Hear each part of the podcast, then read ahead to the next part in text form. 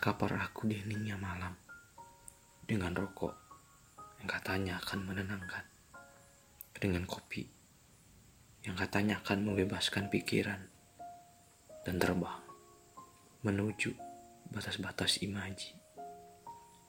Tapi nyatanya, rokok hanya membuat kamarku penuh asap dan tak seperti kata orang yang bisa menenangkan. Tiga gelas kopi tak kunjung membuat pikiranku teralihkan.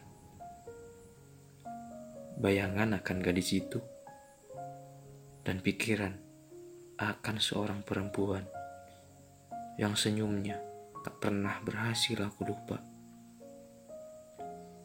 Membuatku berada dalam ketidaktahuan dan berdayaan yang sangat dilema di antara dua kehampaan.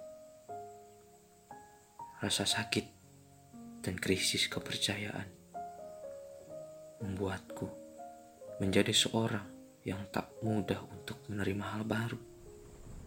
Apalagi rasa yang membuatku takut untuk kembali mendekapnya. Terlapku dalam dekap bayangan kelembutan seorang gadis yang hilang dalam keheningan.